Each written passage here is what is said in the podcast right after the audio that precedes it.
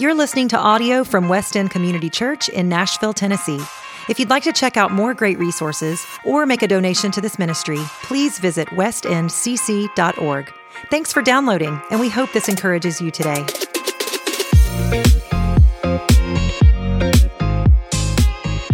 Okay, thanks very much, Scotty. We've got two problems. Uh, the first problem is uh, you need to try and understand my accent, right? Um, so if I need to slow down or pronounce anything specially, just let me know, okay? Second problem is I've got jet lag. So that, that looks like a comfortable seat, Scotty, okay? If I collapse into that seat halfway through the sermon, just uh, you'll understand. Now, if you'd like to go in uh, your scriptures to, to John, and uh, I know that uh, you're going through the Psalms of Ascent, uh, or as you call them, the Psalms. Uh, we call them Psalms, there's an A in it. Uh, but I, I, just want to tip into 2 John. Like 2 John's kind of like a, a digested um, version of 1 John uh, towards the end of the Bible. And this is God's Word. If you'd like to stand, uh, and we'll read together.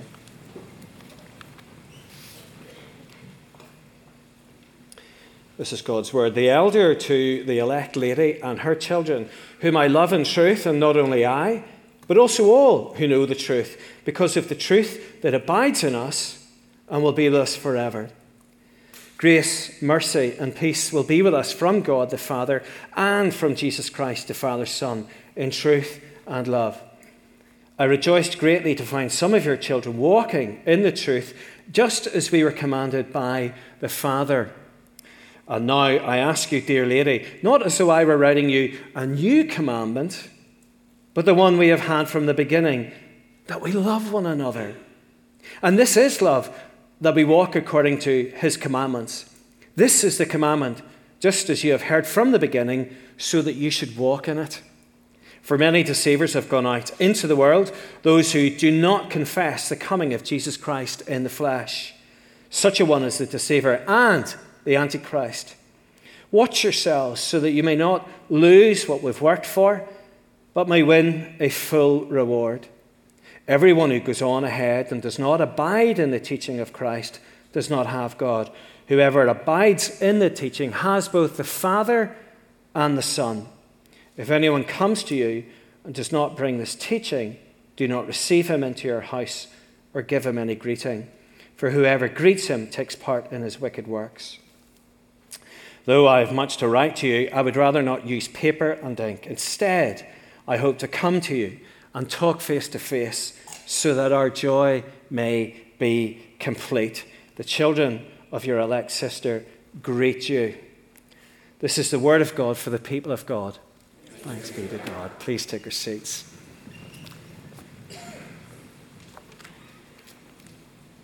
Uh, can I just pray again, please? Father, that great grace would be upon this sinner and upon all of us, Lord, that we would have open ears open hearts. May all of the energy, Lord God, and the preaching and teaching of your word be, be from above, as we ask in the Saviour's name. Amen. So it's just so good to be here. I have a real, I've been here before, of course, I have friends in this church, and uh, I love the state of Tennessee. I love the city of Nashville and the state of Tennessee. Um, you heard of the Scots Irish. The Northern Irish are like halfway between Scotland, then there's a bit of water, and then the island of Ireland. But Northern Ireland, the Scots Irish, we're kind of in between. There's a lot of Scots Irish. The state of Tennessee, I feel a real kinship with you. Uh, but to be in Christ, to be together in Christ, is, is the most important thing.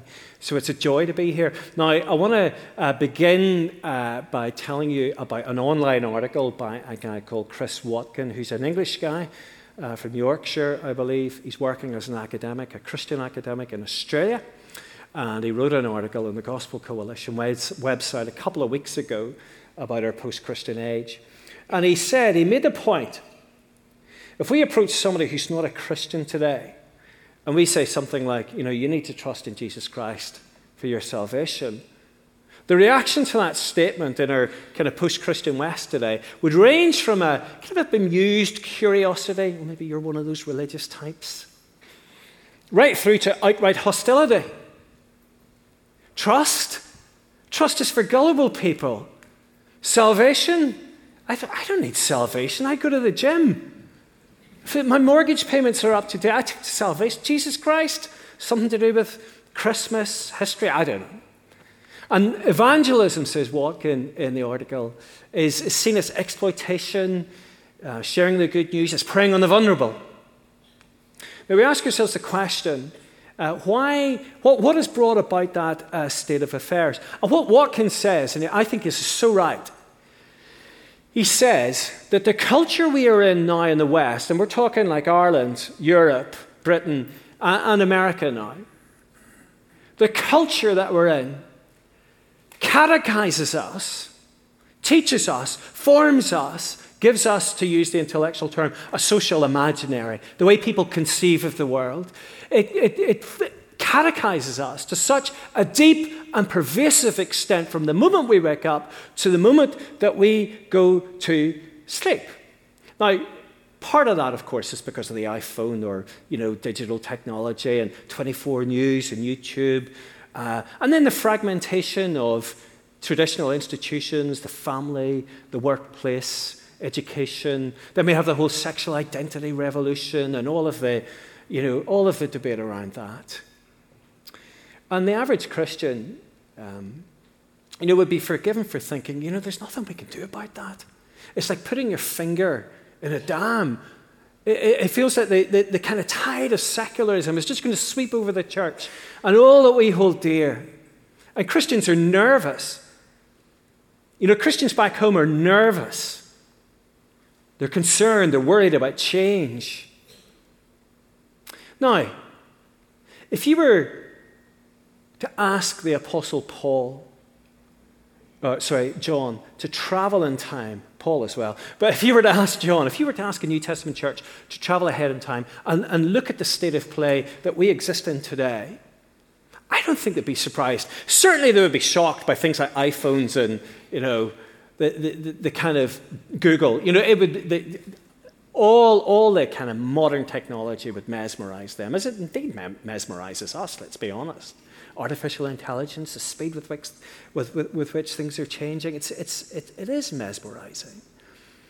But the actual challenges to the gospel uh, and the challenge against God, that, that wouldn't surprise them at all because the context into which John has written was, was a context uh, of many gods, many religions. It was a time of extreme immorality where, where people were exploited, racial exploitation, uh, the exploitation of, of women, of children, economic exploitation of slavery. The church were a minority. They were, they were growing super fast, but they were still persecuted. The gospel was under threat. Now, the question is uh, for us and, and for John at the time, what, what was John's response? How do we respond? Well, the answer is, according to the Gospel of John, 1 John, 2 John, 3 John, the wider New Testament is this that loving truth, the gospel truth, changes lives in a challenging age. Loving truth changes lives in a challenging age. Now, I want to look at this in uh, four ways today. The first way is this is to say, we are loved by God.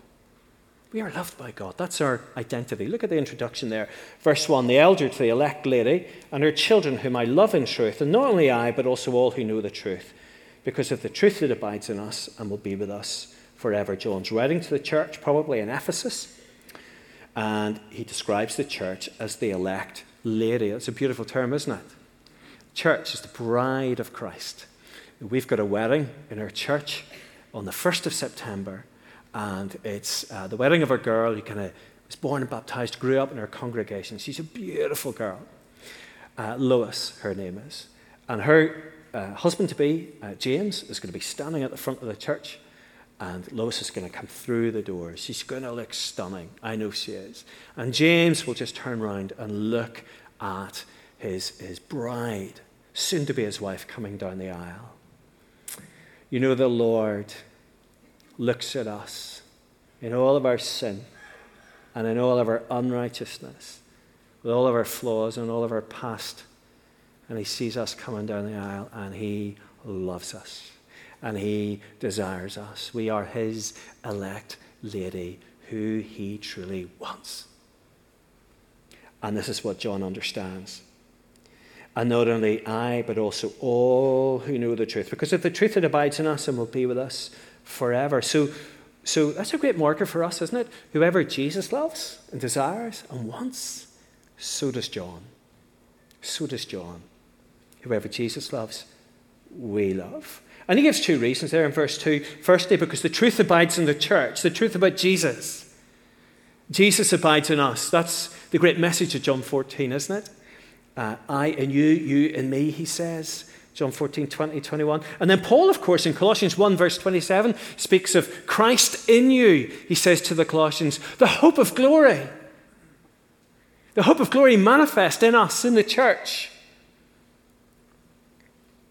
And this hope in verse 2 is guaranteed forever. Verse 2 says, because of the truth that abides in us and will be with us forever. It's worth noting at this point, isn't it? Whenever John writes, or Paul writes, or Peter writes, whenever they speak to the church, this persecuted church, this church working at a time of great cultural change and fragmentation, working with all the pressure of the Roman Empire around.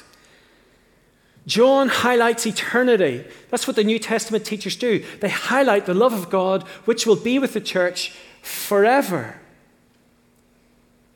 And then, verse 3, the greeting comes after the introduction, which in many ways compares with the greeting that you'll read in all of the New Testament epistle. Um, grace, mercy, and peace will be with us from God the Father, etc. Now, it's interesting here, isn't it? Because what the greeting does is it qualifies the introduction. How do we know that we are in the truth? How do we know that we will experience the love of Christ, that He wants us forever? How do we know that? Well, we know that because of grace.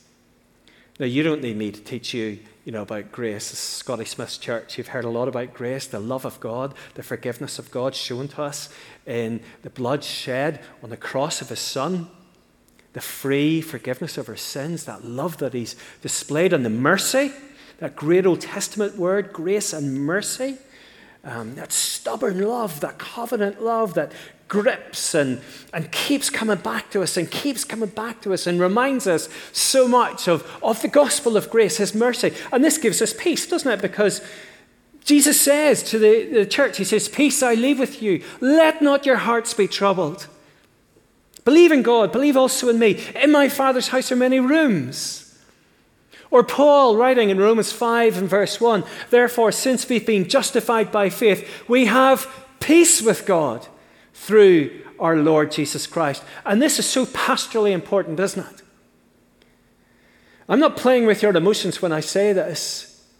I speak as a pastor, I speak to myself. There are people here who aren't looking forward to tomorrow morning. And they're not looking forward to, you know, school. And they're not looking forward to work. And there may be even people here today who aren't looking forward to going home because there's tension. And it usually involves people close to you. Jesus says, Let not your hearts be troubled. Jesus says, Peace I leave with you. Paul writes, doesn't he? He says, We have peace that passes understanding even when we don't understand what's going on. When John and this New Testament church are, are under such pressure, the word that's spoken is peace. Elsewhere, Jesus would say, Do not fear, I am with you always. God provides peace anchored in the objective truth of his son's death and his son's resurrection from the grave. And he guarantees peace to us forever. And then this peace is from the Father. Um, I don't know if you ever get it like a, a gift. Do you, do you have Amazon here? I'm only joking. I'm only joking. Of course, you have it. Amazon came from the States. I, I love getting a gift from Amazon, you know, like a little. I still think Amazon's just to do with books. That's how old fashioned I am. But I, um, I'll explain to the young people afterwards. So I, I was chatting to a friend of mine in church, and he was talking about J.R. Tolkien. And J.R. Tolkien uh, wrote a book um, called Niggle. Uh, it's a little, some people think it's a semi biographical kind of short story written by J.R. Tolkien. And uh, my friend was enthusing about this book to me in, in memory of Tim Keller, actually, who, who talked about the book. And I'd never read it, can't really understand Tolkien, I'm sorry. So I, a couple of days later, the, the Amazon envelope arrived. My friend, without even telling me, gave me, you know, the book. And I think my first reaction was, I, I didn't deserve that. Like, it was so good of him to do that. I'm not worthy. He didn't have to do that for me. Well, shouldn't that be our reaction to the gospel? For God so loved the world, he gave his only Son so that whoever believes would not perish but have everlasting life. He gives, he gives, he gives his love to us. And we're not worthy. It's a gift of grace, isn't it? Now, this is important because that's, as I'm sure you've heard before in this congregation, that's your primary identity. Now, picking up a bit of speed, um, this takes us on to our second point, which is that our identity, anchored in God's grace, mercy, and peace, fuels us to follow God's ways, okay? It fuels us to follow God's ways. Verse 4 I rejoice greatly to find some of your children walking in the truth, just as we were commanded by the Father. The encouragement. I rejoiced, says John, to see you walking in the truth. Uses this term two or three times. Uh, to walk is a beautiful Old Testament word, uh, derek in the Hebrew, uh, peripateo in the Greek, uh, to wander, to dander, as we would say in Northern Ireland, uh, to take a path. And Jesus, of course, is the path, the way, the truth, and the life. He is the truth, He is the path. Paul, writing to the uh, Ephesians, would speak about you know, the church walking in love, or uh, Galatians 5.16, walk in the Spirit.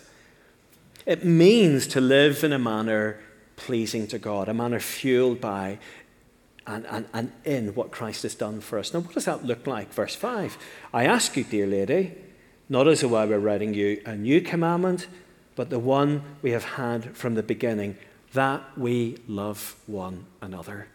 That we love one another. Uh, Paul, uh, sorry, John here, he's, he's not um, patronizing anyone. He's not saying, you know, I've got, I've got this worked out. You, you, you need to listen to me. You need to be like me. Rather, he says, we have been told to love one another. And, you know, maybe what's going on here, as with Peter, as with Paul, as with the Hebrews, the church, this fledgling New Testament church of Jesus Christ, are under cultural pressure. And you know what it's like to be under cultural pressure. The external context of the society that you're in, which is a divisive, noisy. What did Peggy Noonan say yesterday in the, in, in the Wall Street Journal? She said, uh, she talked about the rage.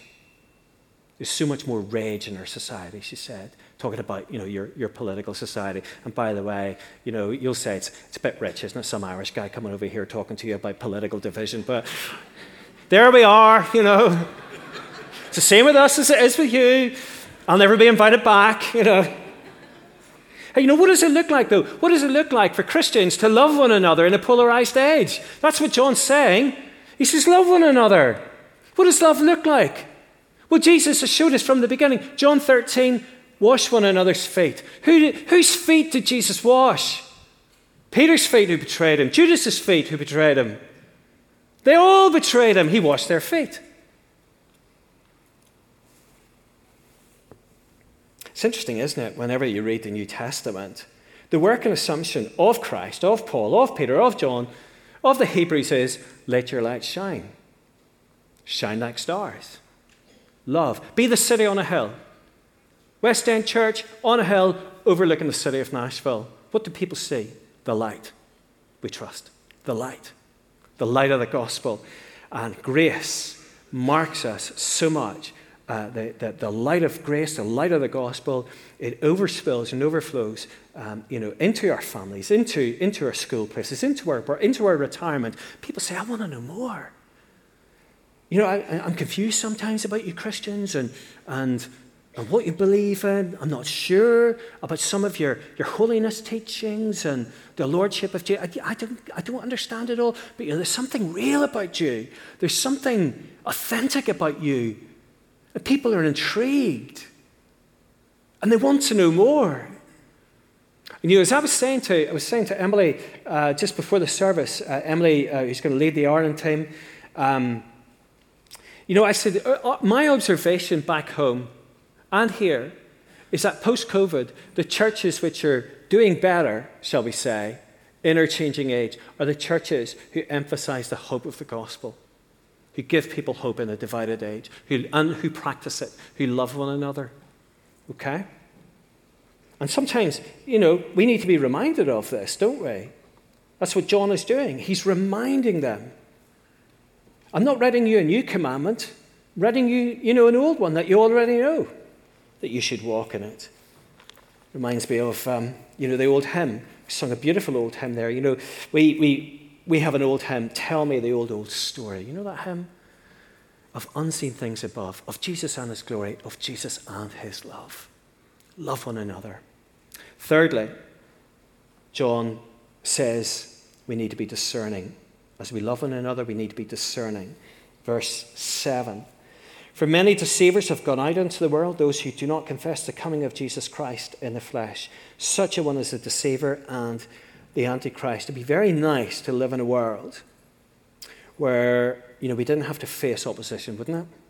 We didn't have to deal with division. But the sad truth is, Jesus has said, In this world you will have trouble. Take heart, I've overcome the world, but you will have trouble in the world. Uh, and ultimately, trouble uh, spiritually is rooted in the work of Satan and pride. And it's critical we understand and discern the world uh, and the work of the church within that context. That spiritual evil is a reality. It's it's a reality in individual hearts and it's a reality in power systems, and sadly, it infiltrates the church. And sadly, there are churches today in this city, uh, as there are back home, which, which are teaching false gospels. And again, I'm not engaged in some sort of polemic against other churches. That would be a hateful and wrong thing to do. But the scripture teaches us that we have to call out false teaching, prosperity gospel teaching, for example or teaching which conflates the gospel with a political ideology. Again, not getting into division, but it's very easy to divide, isn't it? We have to love one another and we have to be discerning. The church need to watch out.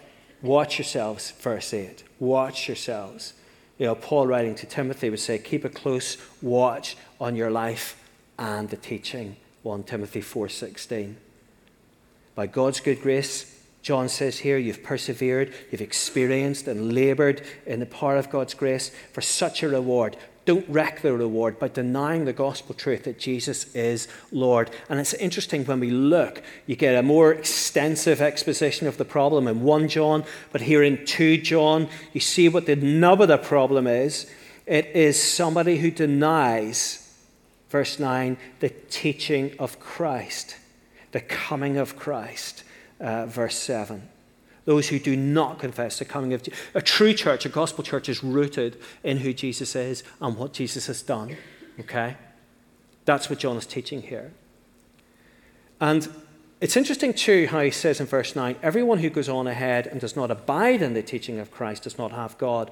Well, what he's emphasizing here is the importance of close fellowship, that we work together. Nobody runs ahead. It's not a selfish or narcissistic community that we're part of. We're in a community that practices truth and love in Jesus' name. So don't welcome divisive people. Now, again, we need to be careful that we don't become judgmental that we show mercy and grace to, to people just as I need mercy and grace. But we also need to be discerning and thoughtful and biblical in our convictions. Now, last point. In a challenging culture, there's no substitute for personal fellowship. Verses 12 to 13. Though I have much to write to you, I'd rather not use paper and ink. Instead, I hope to come to you and talk face to face so that our joy may be complete. The children of your elect sister greet you. Verse 13, that means my church, my wee church in Ballykeel. I said to them last week, I'm going to Nashville, and I'll be able to take the greetings of my church to this church. So the people in Ballykeel Presbyterian in Ballymena in Northern Ireland love you and greet you. Um, and it's, it's great for me to be here. Um, Scotty indicated earlier on, uh, pastorally, uh, I work in a kind of a, as you would understand it, a blue collar area, and uh, we've been through a lot of suffering. And I know there are people here who've been through worse suffering than me, so I'm, I'm not trying to elevate my, my subjective experience over and against yours. But we have been through a lot of suffering, dealt with a lot of suicide, dealt with a lot of young people dying, drugs, and um, worked with a lot of mental health issues. And um, it's been a real challenge, a real challenge. But God has been good uh, through it all. And one of, one of the most encouraging things for me personally has been the fact that nearly every day, Scotty Smith from this church would send me a little text. Or people in this church in Nashville would send me support or send me an email. To actually be here, for me to be here today, it's an amazing privilege to, see people that have shown me love. I really appreciate it, and I thank you, and I thank God for this church and what He's doing you know, for the gospel in Ireland through my work in church planting as well in my denomination, through the drug rehabilitation work you support in the city of Dublin, where my son is a student, um, for the support you show to my friend Ralph in Manchester and um, my good friend Neil in Edinburgh in Scotland. That partnership, but to be here and thank you is very, very special. Now, I know there are some people who cannot be here because of ill health that you have to access the brilliant online services church provides. But there are people maybe sitting at home watching this online who could be here. And I want to, I encourage those people to come here, to be together. You know, because what, what's beautiful about this? This isn't just like a, a social gathering. This is the Lord's people hearing the Lord's word on the Lord's day, and we trust in the power of the Lord's Spirit. And we'll experience that again with the sacraments, with bread and wine after this word. And that's so vital. It's so vital because, you know, evangelism, the sharing and spread of the gospel in the 21st century is difficult.